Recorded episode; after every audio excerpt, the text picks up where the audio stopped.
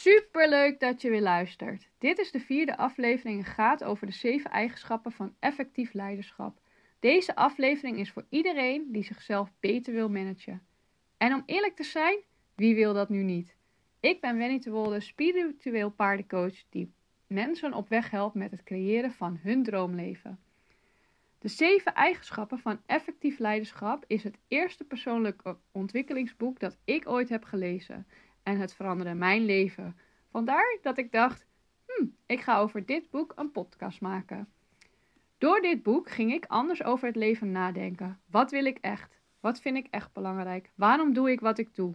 Hoe geef ik leiding aan mezelf? Welke doelen, dromen en plannen heb ik voor mijn leven? Wat wil ik waarmaken? Het is een praktisch boek over persoonlijk leiderschap. Dat betekent dat niemand anders dan jij bepaalt hoe jij jouw leven leidt. Het is altijd, en onthoud dit, het is altijd een eigen keuze. Een keuze die je kunt beïnvloeden door simpele technieken toe te passen. Getriggerd door leuzen als I am not the product of circumstances, I am a product of my decisions. And if we keep doing what we are doing, we are going to keep getting what we are getting, wilde ik meer lezen. Dus eigenlijk, hè, als je altijd doet wat je altijd deed, dan krijg je wat je altijd deed. Dat is eigenlijk de Nederlandse vertaling. Wat je moet weten over dit boek is naar mijn mening dat het een van de beste boeken over persoonlijke ontwikkeling is. En niet over management. Het gaat dus over eigenschappen van effectieve mensen en niet per se leiderschap. Goed nieuws dus, want dit boek is niet alleen voor managers, maar ook voor jou. De zeven eigenschappen van effectief leiderschap. Van Kofi gaat het steeds opnieuw om de vraag: hoe kan ik leiding geven aan mijzelf? Hoe hou ik overzicht? En hoe vind ik focus en balans? En volgens mij zijn dat best wel een aantal onderwerpen die um, in ieder geval bij mij uh, binnen het coachbedrijf heel veel uh, naar voren komen. Uh, hè, hoe hou ik overzicht, balans, focus. Het zijn altijd thema's. Hij is ervan overtuigd dat je werk en privé niet los van elkaar kunt zien. Volgens hem zijn we zelf verantwoordelijk over ons eigen leven. Echte verandering ontstaat van binnenuit. Je moet eerst je karakter, motieven en diepste overtuigingen kennen. Persoonlijk leiderschap bij, begint bij de eerste drie eigenschappen. Covey beschrijft dit als de overwinningen op jezelf. Pas als je de eerste drie eigenschappen onder de knie hebt, ben je onafhankelijk. Je bent dan in staat om leiding te geven aan, je, aan jezelf. Wat belangrijk is, dat je dit proces niet moet onderschatten. Het kan jaren duren voordat je echt leiding kunt geven aan jezelf. Het draait om zelfinzicht, gedragsverandering en zelfdiscipline. Onder het mom, je moet eerst leiding kunnen geven aan jezelf voordat je leiding kunt geven aan anderen, ben je klaar voor de volgende drie eigenschappen. Nu kun je overwinningen met je omgeving boeken. Bij de eigenschappen 4, 5 en 6 draait het om communicatie met anderen. Professioneel leiderschap tonen. Hoe versterk je je relaties? Wat kun je doen om een emotionele bankrekening op te bouwen? En hoe zorg je ervoor dat je begrepen wordt door anderen? Uiteindelijk persoonlijk en professioneel leiderschap combineren. Dat is eigenschap 7, want dan worden alle eigenschappen bij elkaar gebracht. Deze eigenschap gaat over het ontwikkelen van structuur en discipline om de juiste balans in je leven te vinden.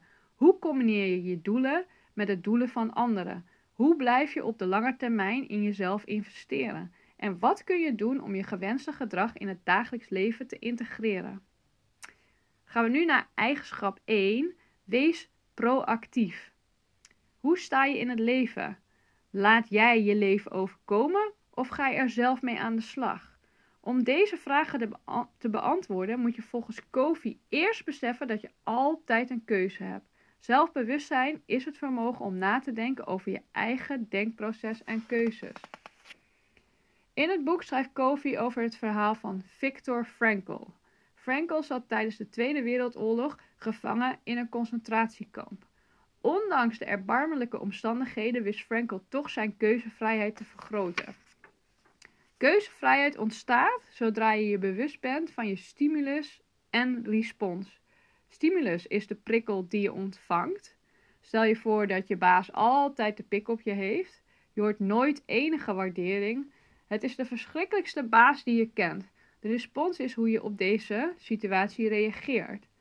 Dit is de plek waar je verantwoordelijkheid over je eigen leven neemt. Je kunt nu twee dingen doen. Ten eerste kun je je baas voor de rest van je leven een verschrikkelijk mens vinden. De meeste mensen denken op deze manier. Als je eerder weg kunt van het werk, dan doe je dat. En zelfs als het niet kan, probeer je dingen te verzinnen om het toch te doen.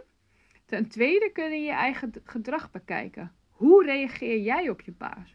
Pak je zelfstandig taken op zonder dat je baas ernaar vraagt. En wat kun je doen om je baas te ondersteunen? Heb je daar ooit bij stilgestaan? Je denkwijze wordt juist door de zwaarste beproevingen gevormd. Je bepaalt zelf hoe je reageert op een situatie. Cirkel van invloed en betrokkenheid. De eerste situatie is dus reactief gedrag. Door Kofi ook wel de cirkel van betrokkenheid genoemd. Je laat je beïnvloeden door wat andere mensen zeggen en legt de schuld buiten jezelf. Ik moet naar mijn werk, hij heeft het gedaan, zo ben ik nu eenmaal. Als ik meer tijd had. Dat zijn allemaal van die gedachten en excuses. In de tweede situatie vertoon je proactief gedrag. Proactief gedrag is iets anders dan positief denken. Je onderneemt actie. Proactief gedrag betekent verantwoordelijk zijn voor je eigen leven. Je kiest zelf het antwoord. Vertoon je dit gedrag, dan zit je in een cirkel van invloed. De cirkel van invloed zit, dus in je cirkel van betrokkenheid. Hoe groter die cirkel van betrokkenheid wordt, des te kleiner de omgevingscirkel. Je leert meer in mogelijkheden dan beperkingen te denken. Ik wil naar mijn werk, ik neem de verantwoordelijkheid. Laat ik eens kijken naar andere mogelijkheden, dat ga ik doen. Ik ben benieuwd aan werken, welke cirkel besteed jij de meeste aandacht? Word je gefrustreerd als je in de file staat? Is je dag verpest als het regent? Hoe reageer jij? Proactief gedrag kun je trainen. Let een hele dag op je eigen uitspraken en die van mensen om je heen. Hoe vaak hoor je reactieve zinnen zoals ik moet, ik moet wel of als, maar. Het gebeurt hier dagelijks op de werkvloer en op de zorgboerderij. Ja, maar, als ik, als dat. Kies een situatie waarin je vaak reactief gedrag vertoont. Bekijk die situatie nu vanuit je cirkel van invloed. Hoe zou je er proactief op kunnen reageren? Waarom doe je wat je doet? En hoe ziet jouw mooiste leven eruit? Wat vind jij belangrijk? Wil je echt antwoord hebben op deze vragen? Dan zegt Kofi: begin met het einde voor ogen. Wat wil je echt? Niet weten wat je wilt staat gelijk aan niet productief werken. En niet productief werken geeft geen voldoening. Je komt verslagen thuis, je uit je frustraties en je kunt s'avonds geen ontspanning meer vinden. Dat kan anders. Covey stelt dat we het principe begin met het einde voor ogen moeten toepassen in ons leven. Om dit principe te begrijpen is het volgende verhaal belangrijk. Efficiëntie versus effectiviteit. Covey onderscheidt in zijn boek uh, twee soorten mensen de drukke mensen en de succesvolle mensen. Volgens Covey probeert de drukke mens zo efficiënt en succesvol mogelijk de ladder te beklimmen. De drukke mens denkt niet na, maar gaat gewoon aan het werk. Succesvolle mensen kijken eerst of de ladder tegen de muur staat voordat ze beginnen met klimmen.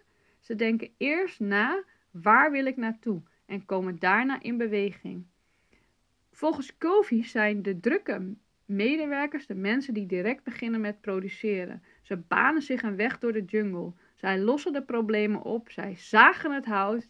De manager van deze mensen doet precies hetzelfde. Blijf zagen, schreeuwen ze. De leider is de persoon die in de hoogste boom klinkt, de hele situatie overziet en roept: Verkeerde jungle! De drukke medewerkers en managers zijn echter zo druk aan het werk dat ze geen tijd hebben om te luisteren naar de leider. In hun hoofd moeten ze blijven produceren. Bepaal jij je eigen jungle? Als individu gaat het net zo. Je hebt het druk met je sociale verplichtingen, sport, studie, werk en huishoudelijke taken. Je neemt in deze situatie weinig tot geen tijd om naar jezelf te kijken. Voor je gevoel moet je blijven produceren. Maar wat als je in de verkeerde jungle aan het werk bent? Je hele leven aan het produceren bent voor iets wat je niet wilt. Begin met het einde voor ogen. Maak het op de lange termijn makkelijker voor je.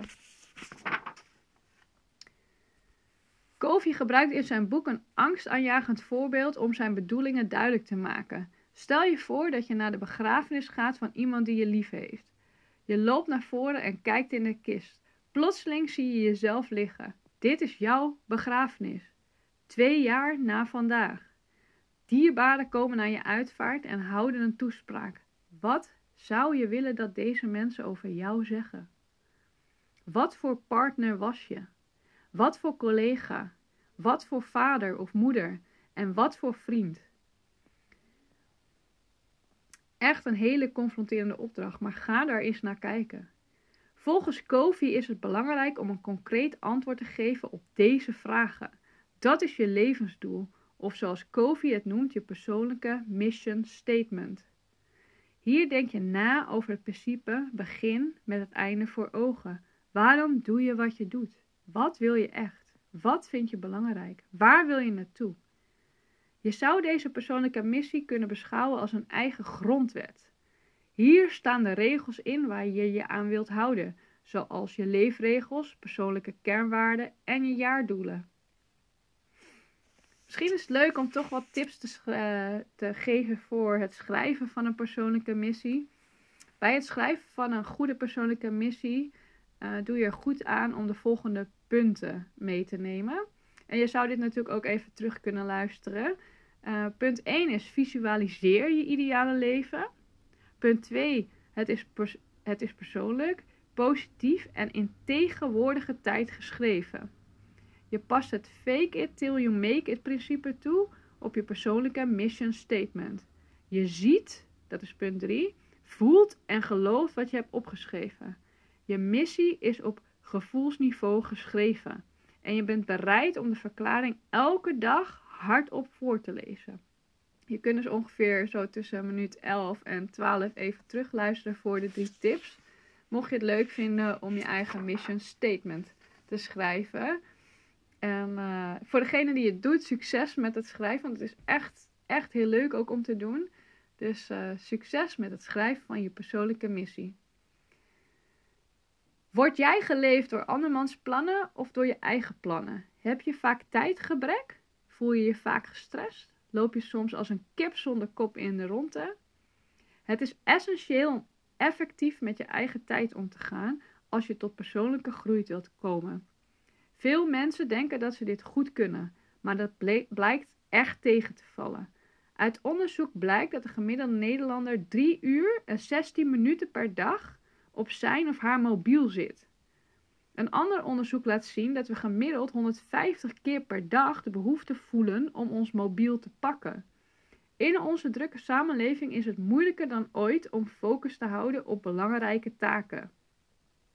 Effectieve mensen besteden hun tijd aan zaken die belangrijk zijn en niet of nog niet urgent. Hoe weet je wat wel en niet belangrijk of urgent, wat je uh, urgent vindt? Kofi hanteert hiervoor een time management model om overzicht en balans te houden. Time management is het uitvoeren en organiseren op basis van prioriteiten. Succesvolle mensen laten zich niet leiden door hun mobiel, maar door zelfgemaakte plannen. Hun agenda bepaalt niet wat de prioriteiten zijn, maar hun prioriteiten bepalen hun agenda. In mijn agenda komt dus tegenwoordig eerst mijn eigen tijd. Misschien hebben jullie me al gevolgd en dat uh, kun, je, kun je dan zien hoe ik mijn agenda indeel. En uh, Kofi noemt uh, prioriteiten ook wel big rocks.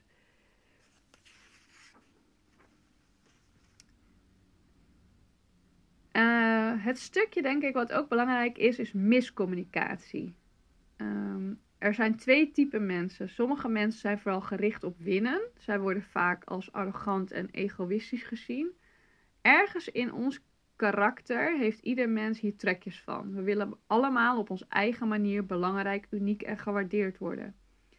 Andere mensen zijn meer ingesteld op verliezen. Zij zijn terughoudend in hun communicatie en maken hun mening al snel ondergeschikt aan die van anderen. In beide gevallen verlies je de kans om samen tot een betere oplossing te komen. Zonder wederzijds begrip ontstaat er miscommunicatie. Dit leidt vaak tot frustraties in je relaties. Je vindt bijvoorbeeld dat je baas je niet begrijpt. Het lijkt erop alsof je baas alleen maar een hogere omzet wil. En hoe je dat doet maakt hem niet uit. Je voelt je een nummer. Denk nog eens terug aan eigenschap 1. Wat kun je doen om de situatie te veranderen? Hoe kun je je cirkel van invloed vergroten? Misschien herken je de situatie. Het kan zijn dat je baas je opdrachten geeft waar je direct mee aan de slag moet. Ondertussen wordt het stapel werk wat je moet doen alsmaar groter. Wat zou je doen als het principe van denk win-win toepast? Verplaats je eens in je baas.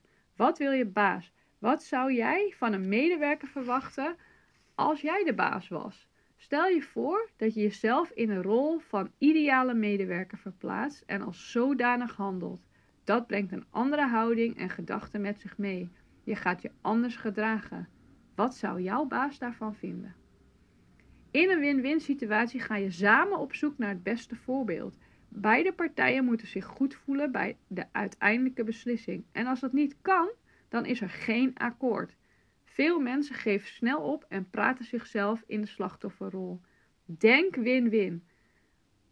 Of geen akkoord is dan ook niet gemakkelijk.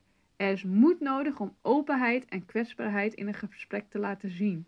Volgens Kofi is het belangrijk dat je verder kijkt en dan alleen je eigen intenties. Voor de ander kan de intentie heel anders zijn. Jullie mogen er allebei zijn met jullie ideeën en oplossingen. Pas als beide partijen dit begrijpen, ontstaat er een win-win situatie, zoals in het voorbeeld.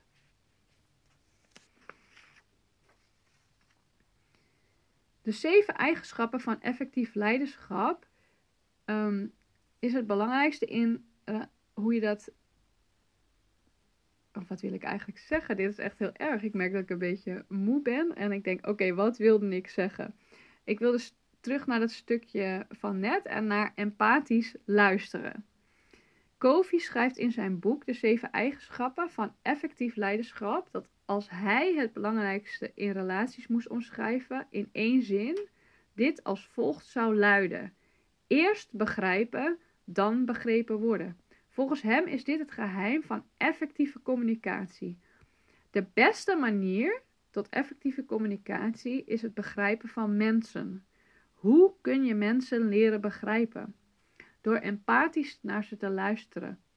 Empathie tonen is volgens hem een van de beste manieren om een storing op de emotionele bankrekening, storting op de emotionele bankrekening te doen. Eerst begrijpen, dan begrepen worden. Volgens Covey denken de meeste mensen in ons eigen gelijk. We willen begrepen worden. Onze gesprekken zijn een verzameling monologen.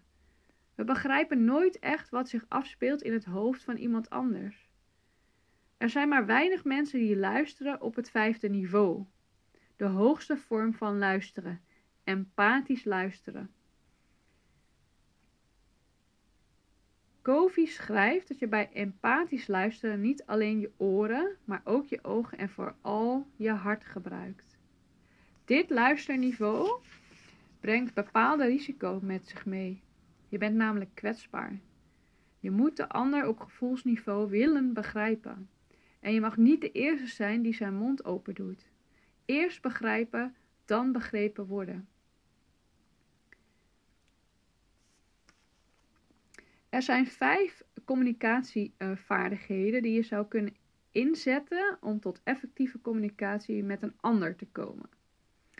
En dat, daarvan is één nazeggen van de inhoud. Dit is de minst effectieve methode, toch kun je er iets aan hebben. Je leert namelijk te luisteren naar de woorden van de ander. Twee is het herformuleren van de inhoud. In deze fase ga je de woorden omzetten naar de betekenis die de ander geeft aan de woorden. Stel je voor dat iemand zegt dat hij rust wil.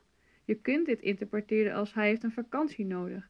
Maar misschien bedoelt de ander wel dat hij wil sporten. Voor sommige mensen is dit een vorm van rust en ontspanning. Iedereen heeft andere interpretaties over dezelfde woorden. 3 is het aanspreken van je gevoel. Je geeft op dit luisterniveau minder aandacht wat iemand zegt en meer aan iemands gevoel. Op deze manier kom je volgens Covey dichter bij het echte gesprek. Nummer 4 is het combineren van het tweede en derde luisterniveau. Je herformuleert de inhoud en spreekt het gevoel van de ander aan. Nummer 5 is empathisch luisteren. Als je de eerste vier niveaus goed beheerst, kun je iemand anders op gevoelsniveau begrijpen. Er is vertrouwensband ontstaan. De ander voelt zich op zijn gemak en spreekt uit wat hem dwars zit. Door begrip te tonen en niet zijn eigen verhaal te vertellen, doet hij een grote storting op de emotionele bankrekening. Eerst begrijpen, dan begrepen worden. Oefeningen helpen je communicatievaardigheid verbeteren. Volgens Covey is er nu pas ruimte om over oplossingen te praten. Eerst moet het gevoel aangesproken worden om een vertrouwensband te creëren. En vanuit deze situatie is er ruimte voor effectieve communicatie. Synergie is eigenschap 6 uit het best verkochte managementboek alle tijden. Um, het is een eigenschap waar alle andere eigenschappen eigenlijk samenkomen. Je weet hoe je verantwoordelijkheid neemt over je eigen leven en hoe je dit in het voordeel gebruikt bij anderen.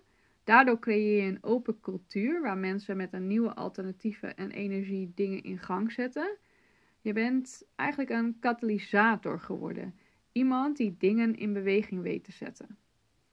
Synergie betekent niets anders dan dat het geheel groter is dan de som der delen. Dit is het welbekende 1 plus 1 is 3 principe. Covey schrijft dat synergie het krachtigste deel is om een groter geheel te veranderen. Het maakt alle onderdelen sterker. Het concept van synergie is in zichzelf wat abstract, juist omdat de uitkomst van synergetisch denken per situatie verschilt. Covey geeft een sterk voorbeeld waar een stel op vakantie wil. Ze hebben echte verschillende reisdoelen voor ogen. De man wil graag op een geschikte locatie kunnen vissen. De vrouw wil liever naar haar moeder die net ziek is geworden. Hoe vaak zie je mensen ruzie maken om verschillende standpunten zoals deze? Door goed naar elkaar te luisteren kunnen ze een conflict voorkomen. Synergetisch denken leidt tot nieuwe inzichten. De vrouw ziet dat haar man graag iets met het hele gezin wil doen en de man ziet dat de vrouw voor haar moeder wil zorgen. Bij eigenschap 6 komen alle andere eigenschappen samen. Door win-win denken, eigenschap 4, komen ze tot een nieuw plan. Ze vinden een locatie dicht bij de moeder en op een paar kilometer afstand bevindt zich een vislocatie. De man en vrouw luisteren eerst goed naar elkaar door de toepassing van eigenschap 5. Eerst begrijpen, dan begrepen worden. Vervolgens ontstond er een open houding waarin het gezin kon praten over mogelijke oplossingen. Deze ideeën botsten niet in tegenstelling tot de expliciete locaties die in eerste instantie werden voorgesteld. Covey noemt het resultaat van de diverse eigenschappen synergie. De som der delen is groter dan de afzonderlijke delen alleen. Synergie is voor veel mensen een moeilijk woord. Zoeken naar de derde weg betekent hetzelfde. Volgens Covey is de betekenis van synergie hetzelfde als vinden van een middenweg.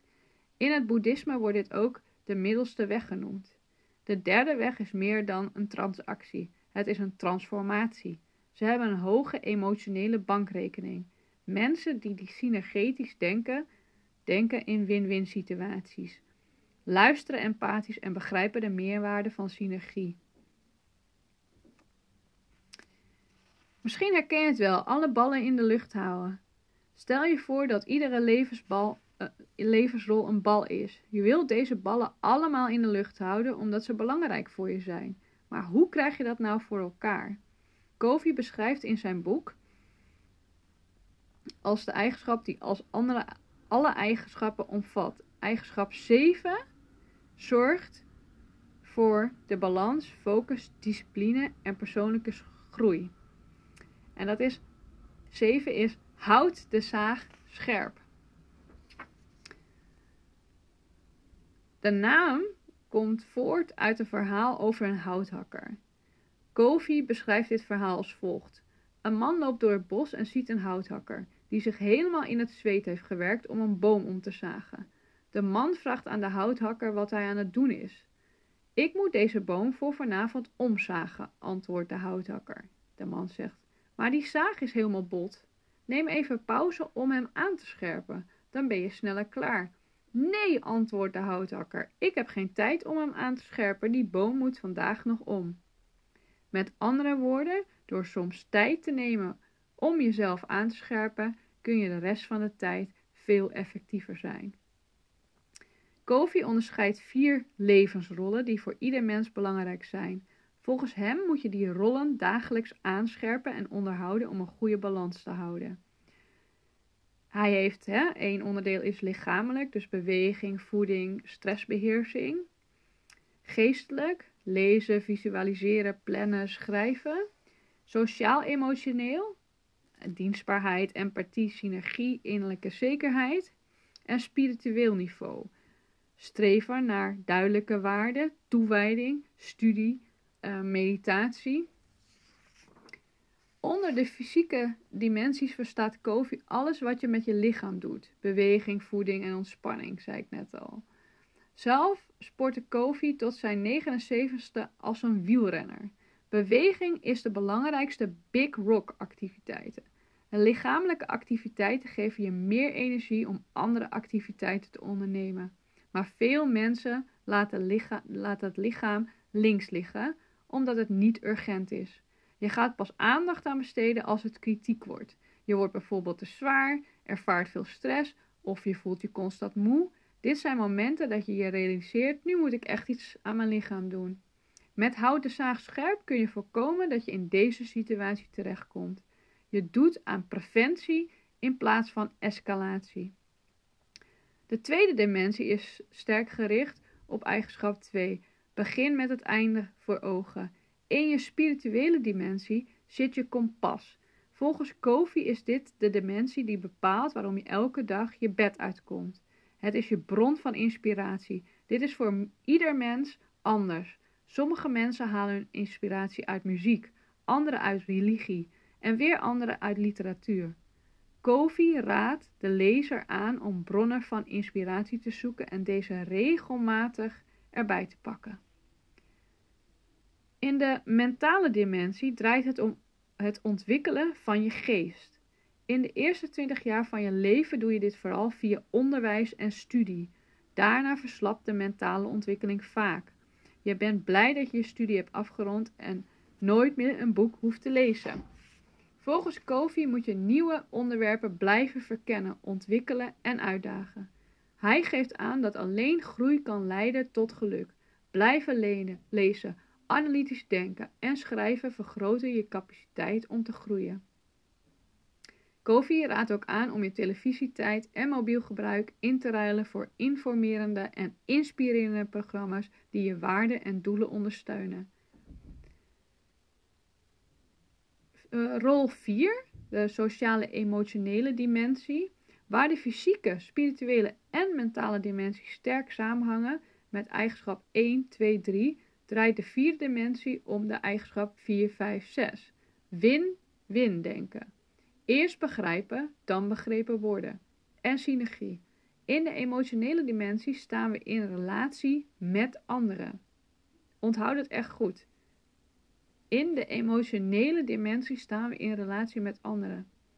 Het vereist veel oefening om de ander te begrijpen. Hoe beter je iemand begrijpt, hoe meer je gemeenschappelijke win-win ideeën kunt zien en hoe hoger de synergie is. Kofi stelt dat veel mensen de overwinning op zichzelf, eigenschap 1, 2 en 3, nog niet hebben gehaald en daardoor ook de vaardigheden missen voor een overwinning met hun omgeving, eigenschap 4, 5 en 6 belangrijk om eigenschap 1 en 2 en 3 goed onder de knie te hebben. Dan wordt 4, 5 en 6 makkelijker. Houd de zaag scherp geeft dus balans. Volgens Kofi presteert iedereen wel op één of twee van de dimensies uitzonderlijk goed. Het is de kunst om ook aan de andere dimensies te werken, dus ook aan de minder. Je kunt nog zo goed zijn in je werk en sport, maar als je relatie niet lekker loopt, geeft dat geen fijn gevoel. Andersom geldt hetzelfde. Het ontwikkelen en verbeteren van iedere dimensie is belangrijk, maar het is nog belangrijker om de vier dimensies in balans te houden. Zelfreflectie en vragen stellen aan jezelf vormen voor Kofi het geheim tot persoonlijk leiderschap. Waarom doe je wat je doet? Wat is echt belangrijk? Wat houdt je tegen? Wat wil jij echt? Ik geloof in het potentieel van ieder individu om zichzelf, zich vrijwel eindeloos te ontwikkelen. En met die eigenschappen heb je een model, is, heeft hij een model ontwikkeld waarmee jij het kunt doen. Dus ga het boek ook echt lezen of luister een paar keer dit of vraag mij om raad. Maar echt houd de zaag scherp. Maak een lijst van activiteiten die goed zijn voor je lichamelijke en geestelijke, emotionele en spirituele dimensie. Maak van deze activiteit een doel voor de komende week. Beoordeel aan het eind van de week je prestaties. Wat voor gevoel gaven de acties je? Of als het niet gelukt is, wat hield je tegen om te doen? Noteer elke week concrete activiteiten op alle vier dimensies. Voer ze uit en evalueer je resultaten. Balans houden. Ieder mens vindt het soms lastig om alle ballen in de lucht te houden. Maak een afweging, stel prioriteiten en werk elke dag aan de vier dimensies. De enige manier om balans te houden is elke dag groeien, ontwikkelen en investeren in jezelf. Wat doe jij vandaag om jezelf in balans te houden? Ik vind het weer super tof dat je geluisterd hebt. En uh, ik hoop dat je me ook al volgt op Facebook of Instagram. Daar deel ik ook geregeld gratis waarden. In de show note kan je mijn gratis e-book in 5 stappen naar meer tijd en ruimte voor jouw droomleven downloaden. En vind je het lastig om zelf te managen, om jezelf te managen en wil je dat ik je een beetje op weg help, neem dan vrijblijvend contact met mij op. En ik hoop tot de volgende aflevering. Dan zit ik alweer op aflevering 5 en ik uh, ga zeker proberen om elke week een thema te doen. Heb je een thema? Laat het me weten. Dat vind ik leuk om daar uh, uh, ja, om thema's van anderen. Deze heb ik ook van iemand doorgekregen van goh, wil je iets vertellen over persoonlijk leiderschap? Ja, en toen ben ik op deze aflevering gekomen. Dus heb je een thema? Laat het me weten. En tot volgende week.